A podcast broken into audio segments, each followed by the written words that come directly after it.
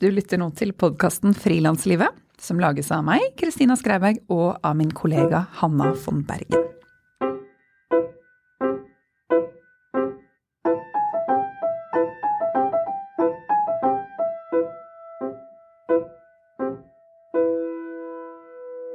I dag sitter jeg på Spaces i Kvadraturen i Oslo sammen med Nina Ansten, som er dagens gjest. Nina er grafisk designer og kunstformidler. Hun utformer kunstbøker og utstillinger. Den aller første boken hun designet var for Yoko Ono-utstillingen ved Astrup Fearnley-museet i 2005. Og siden har hun designet profiler og bøker for utstillinger med kunstnere som Damien Hirst, Andy Warhol og Morten Viskum. Hei, Nina. Hei, hei. Kjempehyggelig å ha deg her. Kan ikke du begynne med, å, begynne med å gi oss et lite innblikk i din arbeidshverdag? Liksom, hvordan ser den ut? Hva jobber du med? Hvordan, eh, hvor er du? Hvor, hvor holder du til? Og så videre. Ja, jeg jobber jo, jeg jobber jo veldig prosjektbasert. Sånn at jeg må måte innrette arbeidshverdagen etter hvilke prosjekter jeg jobber med, og hvor i prosessen jeg er.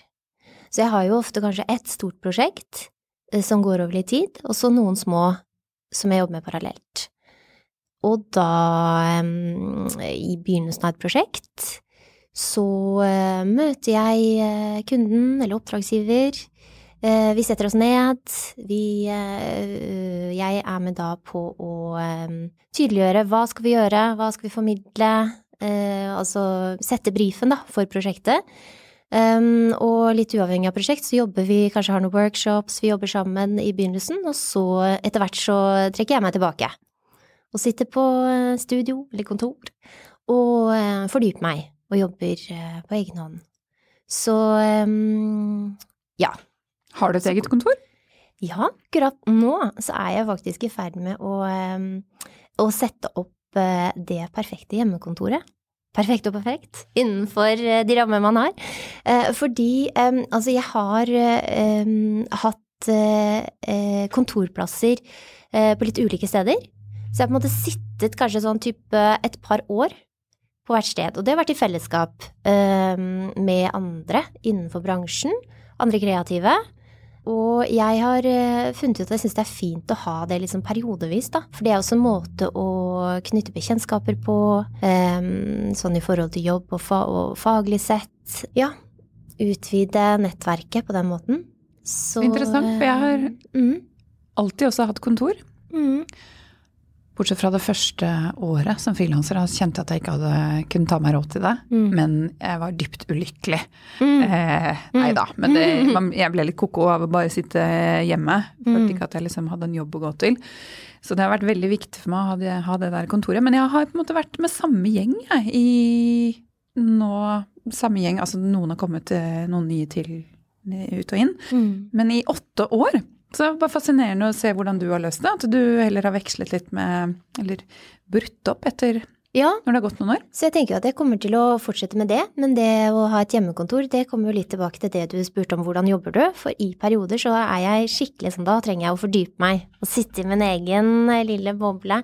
Og da jeg, kan jeg gjerne sitte hjemme eller eh, på en måte et sted for en prosjektperiode, da. Um, så jeg syns det er fint å ha en, måte, en base. Um, men uh, vi får se hvor jeg, hvor jeg havner nå uh, når jeg skal begynne å se etter et nytt sted. Jeg har jo sittet med både musikkprodusenter, arkitekter, uh, andre designere og AD-er, fotografer. Så jeg syns det har vært veldig fint å kunne ja, spille på hverandre, da. Mm. Mm. Og spille på folk fra forskjellige bransjer? Ja. Mm, ja. Mm, mm, ja. Men uken din, er det sånn, har du en fast arbeidstid, eller eh, sitter du utover kvelden? Hvordan Nei, jeg prøver jo å holde, å holde det Kjernetiden er ni til fem. Så eh, nei, altså jeg starter jo ofte med et lite slags morgenmøte, da. Jeg går gjennom og har en ukeplan. Der jeg går gjennom eh, agendaen for dagen og for uken. Og, eh, et morgenmøte med, med deg og ja, Nina Anstens ja, studio? Ja, ja, rett og slett. Me, myself and I. Ja, herlig. ja. Eller og eventuelt også da, ikke sant, går igjennom mailer, kanskje tar liksom de første telefonene og liksom starter på den måten, og så deler jeg opp eh, dagen litt etappvis. Prøver å ha en god pause midt på dagen. Så så svevende er det egentlig ikke. Nei, noen fine rammer du har eh, mm. skapt for deg selv. Mm. Når du har morgenmøte, liksom, er det sånn du drikker en kopp kaffe, eller liksom hvordan En kopp kaffe, en avis, ja. notatblokken. Um, ja. Uh, så uh, Men sånn i forhold til i perioder, så jobber man jo også uh, det, Noen ganger så tenker jeg litt på det som å jobbe turnus. Som å jobbe på en bordplattform. I perioder så jobber, du, jobber jeg masse. Ikke sant. Når du jobber prosjektbasert, så kommer det perioder der du bare må liksom fordype deg, og, og du har deadlines, og du står på. Eh, og det som da er fint med å jobbe for seg selv, er jo at da innretter man seg etter det. Så har man kanskje to-tre uker der man jobber iherdig. Og så har du faktisk da muligheten til avspasering og eh, følge på en måte din og da selvfølgelig din kunders eh, kalender, da, på den måten. Så det er en ganske fleksibel måte å jobbe på. Mm. Jeg likte sammenligningen med en oljeplattform. Ja. ja. Så veldig, veldig fint. Og det er jo veldig viktig det, å um, ta seg tid til den avspaseringen. At mm. man har mm. den eh, litt sånn rolige perioden mm. etterpå. At man, man, husker på at man har gitt bånn gass. Og så kan man ha noen rolige dager hvor man går og titter i gallerier og sitter litt lenger på kafé, kanskje. Ikke sant.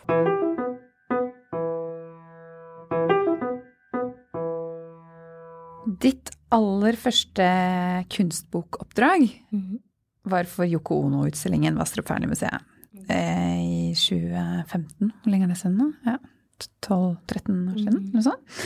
Fortell gjerne litt om det oppdraget, og hva det betød for deg. Mm. Det eh, ble et veldig viktig oppdrag, og det som du sa nå i forhold til årstall, det var jo faktisk før jeg egentlig bestemte meg for å satse fullt og helt selv, så det var nok også med på og påvirke det at jeg startet for meg selv. Fordi eh, sånn under studiene eh, og når jeg jobbet, så tenkte jeg men eh, ikke sant, visuell kommunikasjon, grafisk design, det er så stort, det er så bredt, du kan jobbe med så mange ting. Så jeg brukte litt tid på å finne ut men hva er det jeg kan jobbe med, og hva er det jeg vil jobbe med. Og jeg visste bare det at jeg hele tiden har hatt veldig sånn sterk, stor interesse for kunst. Jeg hadde nok en liten drøm om det at og det å jobbe med Astrufernemuseet, det hadde vært topp. Så eh, da Yoko Ono skulle stille ut, så var de litt på let etter noen som kunne jobbe med det visuelle, og jeg fikk det oppdraget. Og Hvordan fikk du det? Var det en konkurranse, eller var det en mm, Ja, det var en pitch, på en måte, at de var ja. i kontakt med litt ulike aktører, da. Mm. Og det da um, viste seg å bli et prosjekt der på en måte um, Når jeg satte meg ned og var ferdig med dette prosjektet, så tenkte jeg men her er det jo. Det er dette jeg vil jobbe med. Det nettopp det jeg har gjort nå i denne perioden. Jeg fikk jobbe med Jeg fikk liksom brukt alt.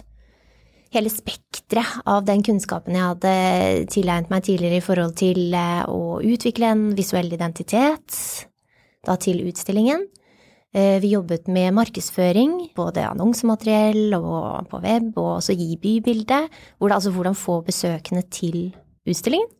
Vi jobbet med formidling eh, og utstillingsdesign i gallerirommet.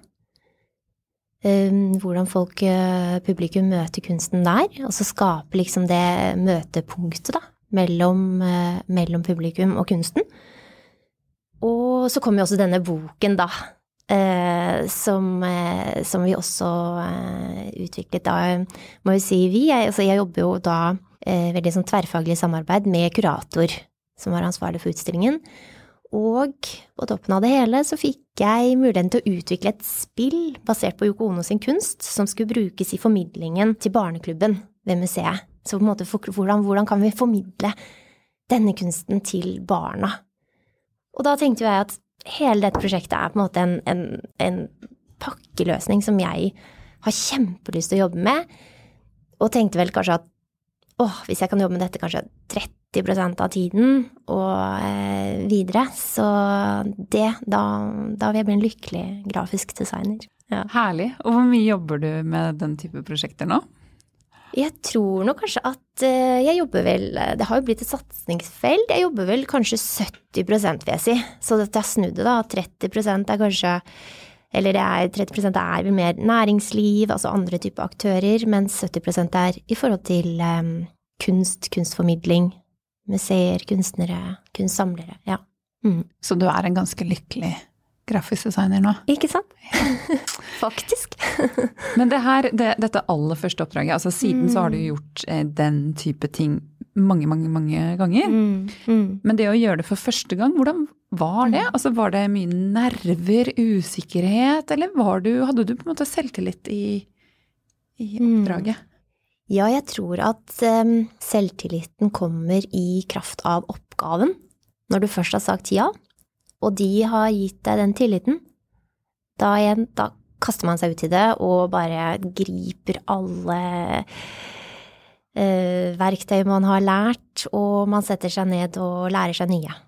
Så uh, jeg tror at um, den, med den bakgrunnen jeg har da, fra uh, St. Martins, jeg tror, jeg tror alle som studerer, altså man fatter ikke helt før i etterkant hva man egentlig har lært. Så vi lærte jo også veldig mye metode. Hvordan angripe ting. Hvordan, eh, ja, hvordan bare løse ting, da. Bli løsningsorientert og, og um, mm. Så ja. Men det å si ja, eller det å tørre å si ja Fordi mm. selv har jeg eller i hvert fall da jeg var nyutdannet, sa jeg ofte ja til ting, men, men med en liten ærefrykt. Litt sånn Absolutt. absolutt. Jeg sier ja, ja. men wow, mm, mm, nå har jeg sagt ja. Mm, ja. Eh, hvordan skal jeg løse det, eller hvor eh, Ja, nå, nå gjelder det. Ja. Og det tenker jeg også er litt viktig, at man, man tør å si ja, så lenge man bare eh, ja, tør å gi alt som skal til etter man har sagt ja. Ikke sant. Selv om man kanskje ikke føler seg liksom Selvfølgelig skal man føle seg kompetent, men at det er en liten nerve der. Ja. Det, det, er det jo ofte når man Ja. Jeg, jeg, har jo sagt nei, og så må jeg innrømme til ting. Det jeg, og det er kanskje noe man gjør, som du sier, litt etter hvert. At man ser jo også um, Nei, det er ikke ofte jeg har sagt nei, altså. Det er ikke det. Men, men, det er kanskje mer det at du sier ja, og så ser du det at hvis du ikke da har den kompetansen selv, så finner du noen som har den kompetansen du trenger. Fordi du kan jo ikke si ja til noe du ikke vet du kan levere. Du har jo et ansvar. Nei, det er jo også veldig viktig mm, å vite når man skal si nei. Ja, ja, ja, absolutt. Å vite hva man mm. ikke kan. Ja. Og ikke brenne en bro ved å si ja til noe man ikke kan ja. levere. Nei, det Det er jo også ja, mm.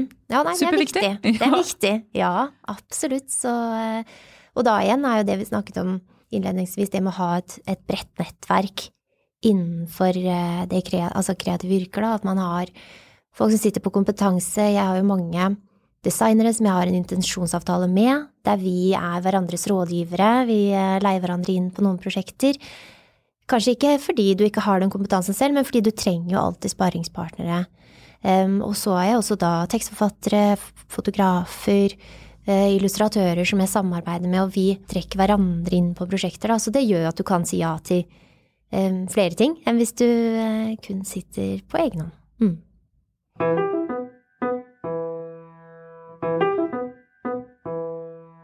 Hva liker du aller best med å jobbe med dette, med utstillingsdesign? Det som er helt fantastisk, er når du ser um, at det fungerer. Du ser du har laget, eller du har jobbet ut et prosjekt og et konsept som skaper gode rammer for kunsten og kunstnerne, først og fremst, men også da at du skaper gode møter mellom publikum og kunsten. Og det kan jo være store rammer, at det kommer mange besøkende til en utstilling, men det kan jo også bare være det ene øyeblikket der du ser en person eh, stå og fordype seg i et eh, prosjekt i en utstillingshall. Jeg syns det er fantastisk å se når det fungerer. Altså, ja, bak til Yoko Ono-utstillingen, da liksom dette ønsketreet som sto i utstillingen, bare knakk fordi det var så mange som hadde skrevet ned ønsker og hengt det på treet. Altså, det er liksom ja, disse møtene er eh, en av de fine tingene. Mm. Og da er det kanskje en suksess, altså når man får til det? Når, man, når publikum faktisk eh, eh svarer jeg, tilbake? Ja, jeg, jeg, jeg tenker det. Blir tenker engasjert? At, eh, at det, det, det, å måte, ja, engasjere, ikke sant. Det at noe av det jeg syns er viktig, er måte å prøve å senke rammen inn i, si, inn i kunstens verden. Det, det, kan jo virke for noen altså litt sånn lukket lukket forhold, et litt skummelt, eh, litt lukket forhold. Du må på en måte ha en viss kompetanse, eller altså man tenker hm, hva skal jeg synes om dette og mene om dette, men um, jeg tenker at alle møter kunsten med, med den um, erfaringen og kunnskapen de allerede har opparbeidet seg. Sånn at det jeg syns er veldig spennende, er jo hvordan påvirker kunsten deg?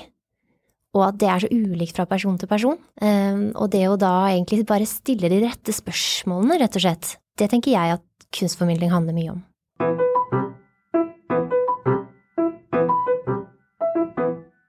Jeg hopper litt over til eh, tekst og bok, jeg. For du ja. lager så mye bøker òg. Og jeg har jo gitt, gitt ut en bok som heter Hei, nabo. Og da jeg skulle lage den, så spurte jeg deg om råd. Eh, og jeg skjønte med en gang at her snakker jeg med en som har innmari peiling på typografi. Mm. I tillegg til en masse andre ting, selvsagt. Og kan ikke du fortelle litt om din interesse for typografi?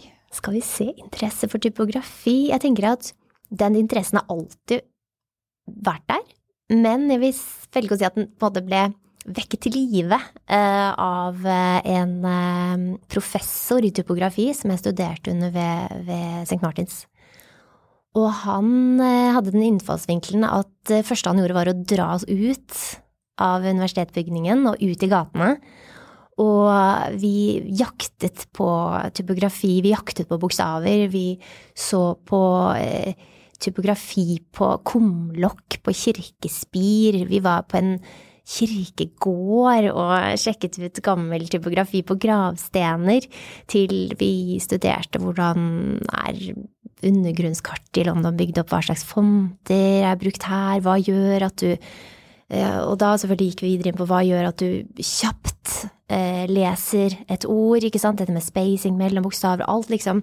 Så, så, etter de første ukene da jeg eh, gikk på eh, studerte under han, så så begynte jeg å se bokstaver overalt. Eh, og, eh, men også da begynte å fordype meg i det og se, som alle andre fag, at du på en måte må gå tilbake til historien og, eh, og lese om eh, teorien bak og hvordan det hele startet, og det, det at eh, Ja, med historien bak typografien, og at du på en måte for å være eksperimentell, så må du se tilbake for å kunne se framover, på en måte. Så Og jeg tror kanskje noe av det aller viktigste han lærte oss, var det at som grafisk designer og typograf, det at du da At du ikke ser på hver bokstav, og du ser ikke på ord, men at du ser på bokstavene og ordene som en form. Eh, det, gjør, det, er, det er, et veldig viktig virkemiddel når du setter en plakat eller et bokomslag. Eh, det er mange som på måte setter på teksten til slutt men at den er eh, helt integrert i, i designet. Samtidig som man tenker selvfølgelig hele veien på hva er det viktigste at øyet tar tak i først, og så alle disse tingene. Det, men helheten, det, det, var, det syns jeg var veldig interessant, hvordan han viste oss det. Og det, det, gjorde han da med utgangspunkt i arkitektur, og hvordan kanskje en, en, en tittel eh, eller en tekst på, et, på, en bygning bare smelter inn med bygget. da, At ikke du tenker på det, men du har likevel fått det med deg. Du har likevel, ja mm. det. Så ja, kort fortalt litt om typografi. Hmm. Kan ikke du fortelle litt med, om det å jobbe mm, sånn veldig helhetlig med prosjekter, og det å bruke mange sider av deg selv? For jeg får inntrykk av at mm. du eh, får brukt veldig mange sider av deg selv i prosjektene dine. Og mm. liksom, hvilke, hvilke, sider eh, byr du på? ja, Hva er en del av pakka? Liksom? Ja, ikke sant. Nei, det, det, det er veldig uh, riktig det du sier der. At, uh, og det tror jeg det passer meg som person. Det at man Det at jeg er Det er jo en det starter jo med eh, et Altså det er jo et samarbeid, så det starter jo med en prosjektgruppe, og at vi ser på konseptet sammen, og at vi jobber mye sammen. Og, så da på en måte får du jo um, brukt en Ja, det blir også en sosial bit der. Og så har du det at du tiltrekker deg eh, inn i studio og sitter og jobber um, på egen hånd og fordyper meg, leser og ja, utvikle konseptet. Det er på en måte én fase. Og så har du også dette med samarbeid, trekke inn andre, at du jobber liksom prosjektleder. Det er på en måte, da må du jo trekke fram litt andre skills fra hatten. Um, for å få på en måte frem det beste i alle du har satt sammen da, til å jobbe på prosjektet. Um, og uh, Et lite produksjonshus er det? Ja, ikke sant. Ja. Men det er jo også, også er det jo det som også selvfølgelig er superviktig, det er jo uh, utførelsen, altså gjennomførelsen og utfør... Altså um, til sist så må jo dette produktet enten Det må jo produseres, om det er digitalt. Så jobber jeg jo med programmerere og følger opp der. Gjør noe selv også, men har jo ofte eh, leid inn noen på, på, sluttbiten der, eller trykkerier, da, hvis det er trykksaker, som ofte er med bøker. Så det syns jeg også er fantastisk å stå på trykkeriet og følge boka, da, mm. etter at vi har jobbet lenge og den har bare vært liksom inne på Mac-en min. Skal den ut på mange ark. Og se den, ja. kjenne på den. Ja. Mm. Mm. Men fotografi, jeg vet at du fotograferer ganske mye. Mm. Ja, Bruker du den kompetansen også ut mot kundene dine? Mm, ja, det gjør jeg absolutt, og det har jeg for så vidt gjort uh, hele veien. Uh, jeg var jo litt inne på tanken om å, å, jobbe primært med foto før jeg startet på St. Martins. Uh, og når jeg jobbet der, så, så, ble jeg jo så lykkelig, for det viste seg at det kunne jeg også gjøre. Så der var det også en fotoavdeling. Så jeg jobbet jo både på Fordypet meg i foto og i typografi ved siden av det grafiske, da. Og det har jeg tatt med, altså at den tanken om at um, foto da på en måte er et visuelt verktøy på lik linje med andre verktøy innenfor det grafiske, slik at jeg tenker det er ikke alle grafiske designere som tar bilder, det, men noen bruker det, noen skriver, noen jobber også som illustratører, så jeg tenker at liksom, det viktigste er Eh, konseptet og ideen, eh, og hvordan skal vi formidle budskapet.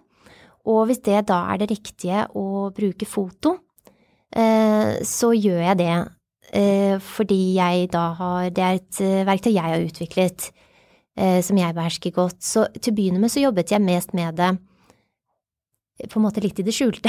altså det var ikke noe jeg frontet at jeg tilbyr foto, for det oppfattet jeg at ble litt sånn forvirrende for folk, og at de ofte tenkte nei, men da det blir å blande korta. Men samtidig, når jeg brukte det, så ser du at det fungerer, sant. Så etter hvert så fordi kunder så at oi, men her, dette er jo egentlig også en ekspertise som hun har, og det at du da kan tilby det på prosjektet, som en del av prosjektet, det gjør at du på en måte, jeg blir jo nesten litt som min egen AD, ikke sant, på fotoprosjekt. Så etter hvert så eh, sakte, men sikkert så har jeg begynt å jobbe mer også som ren fotograf på prosjekter, og har blant annet fotografert en del um, til ulike kunstbøker, da.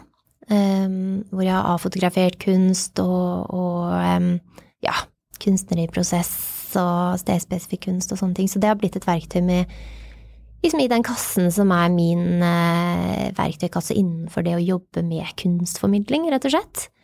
Men tilbyr du den nå sånn um er det en del av pakka, eller er det noe du også har fortsatt med å snike, snike inn litt sånn bakveien? Nå er det en del av pakken, og nå er det jo slik at jeg eh, leies inn eh, også på prosjekter kunst som fotograf, hvor det er andre som er grafisk designer eller en annen AD. Så, så nå, nå, er det noe jeg eh, Ja, nå er det et, noe du kan leie meg komme, inn på. Komme til ja, deg og få? Ja.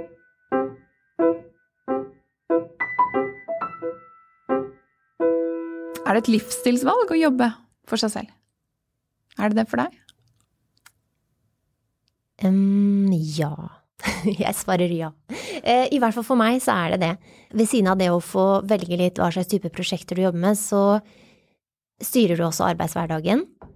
Og for meg så har det etter hvert også utvikle seg til å bli at jeg veldig ofte så Altså, jeg liker å um, jobbe fra ulike steder. Så det er inspirerende. Altså, hvis jeg begynner på et nytt prosjekt, så vil jeg gjerne også forflytte meg, geografisk sett, holdt jeg på å si. Ja. Så eh, det jeg har funnet ut er veldig fint, det er jo det at jeg eh, eh har eh, begynt å bytte leilighet og kontor.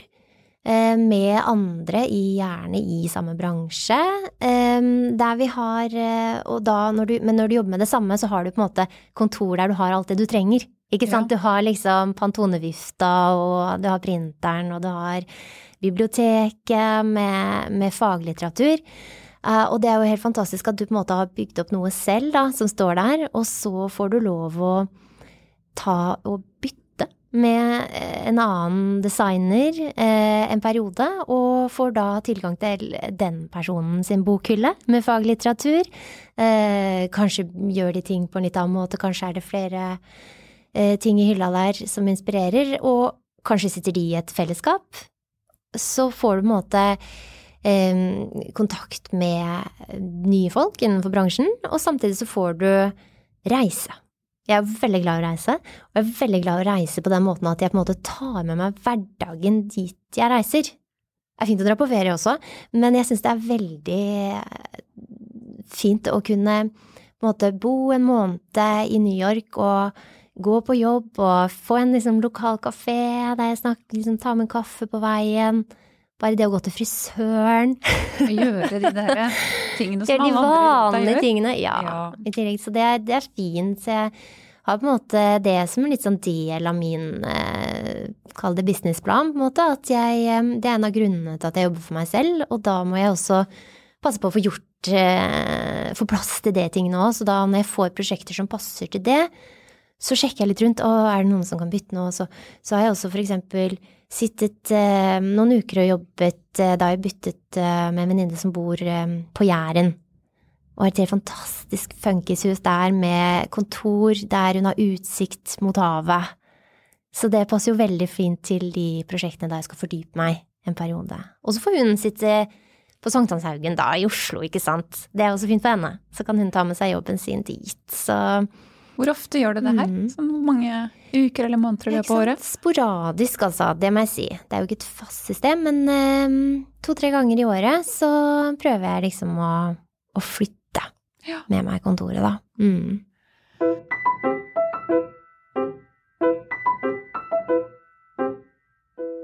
Ja, så dere som sitter og eller går og lytter til det her, hvis noen eh, kanskje bor på eller ha en liten hytte på en øde strand i Nord-Norge.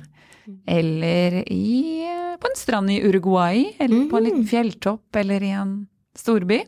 Jeg sier strand i Uruguay fordi det, der bodde Det har jeg gjort. Ikke sant? I noen uker. Mm. Med bare kuer rett utenfor, utenfor vinduene. Um, så hvis noen sitter på noe sånt og har lyst til å ja, bytte med Nina og ha noen mm. uker på Sankthanshaugen, mm med et fint uh, faglitterært bibliotek mm. osv. Og, så og hjemmekontor, så er det bare å ta kontakt. Man kan bytte liv, bytte tilværelse en liten stund. Kan bytte hverdag, ja. Bytte hverdag, ja. Absolutt. Åh, mm. Ikke verst. Mm. Takk for at du kom, Nina. Takk for at jeg fikk komme. Ha det.